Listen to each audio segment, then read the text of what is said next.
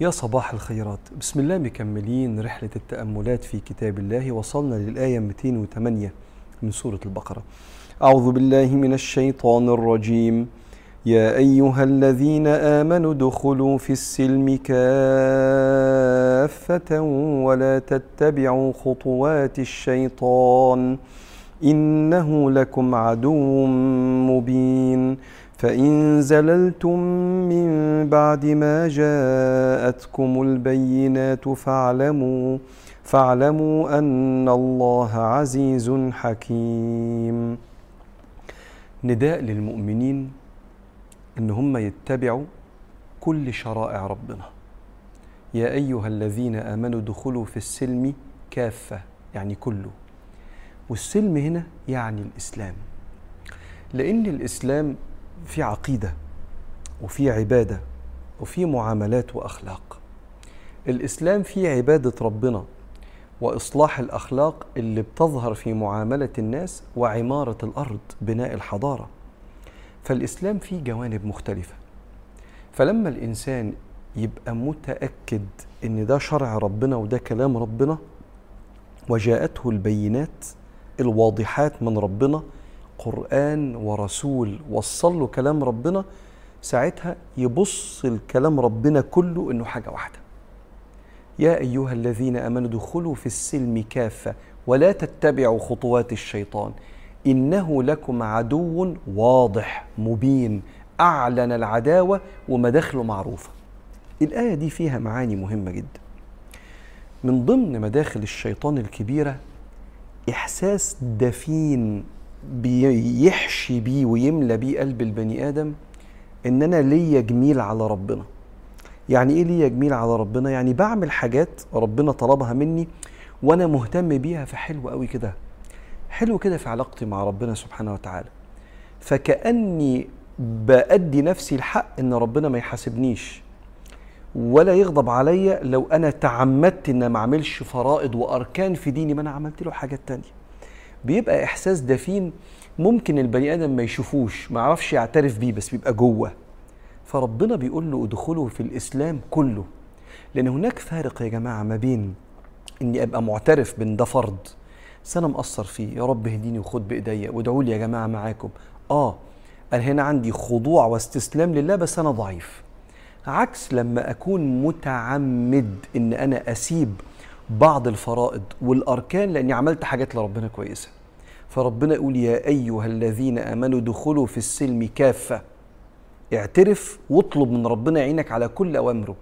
لأن الإسلام فيه فرائض لازم نعملها يؤجر فاعلها ويأثم تاركها وكلها فيها نفع لينا ونفع لغيرنا وفيها سنن يتسابق فيها الناس اللي ما يقدرش يعملها خلاص ربنا مش بيحاسبه. لكن الفرائض لازم تبقى عارف إنها في قدرتنا ووسعنا كلنا. فقال له دخلوا في السلم كافة ولا تتبعوا خطوات الشيطان. من ضمن خطوات الشيطان الصور الصورتين المشهورين جدا. صورة العابد اللي حاسس بالتميز وعنده احتقار وتقليل دفين كده في قلبه للبشر. لأن أنا بعبد ربنا فأنا مع ربنا. البشر دول بيعصوا وأنا بعبد ربنا. فتلاقي ما عندوش الرغبة إنه يبقى كريم مع الناس. في غلظة مع الناس في بخل مع الناس في شيء من عدم احترام الوعد مع الناس. ليه؟ الشيطان الشيطان فضل يقول له في قلبه كتير أنت بتصلي وبتعبد تذكر ربنا وبتختم القرآن فأنت مع ربنا. الناس الوحشة اللي بتعصي هناك دي ما يستاهلوش. ده حتى ربك غضبان عليهم. فتلاقي البني آدم ده عابد قوي بس غليظ قوي. تحبش تتعامل معاه ولا تشاركه في فلوس ولا تدخله بيتك تجوزه بنتك ولا تناسبه. إيه اللي حصل؟ اللي حصل خطوة من خطوات الشيطان خلته ما يدخلش في السلم كافة.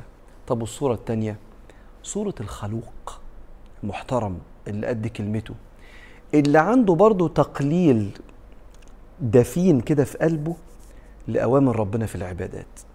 وكأنه حط لنفسه مبدأ يعيش بيه. إن أنا لو كويس مع الناس كده حلو. وده الدين ده اللي ربنا يحبه. أيوة في فرائض. في فجر لازم يتصلى في قرآن ما تهجروش. خلي ليك علاقة بالقرآن ولو بسيطة.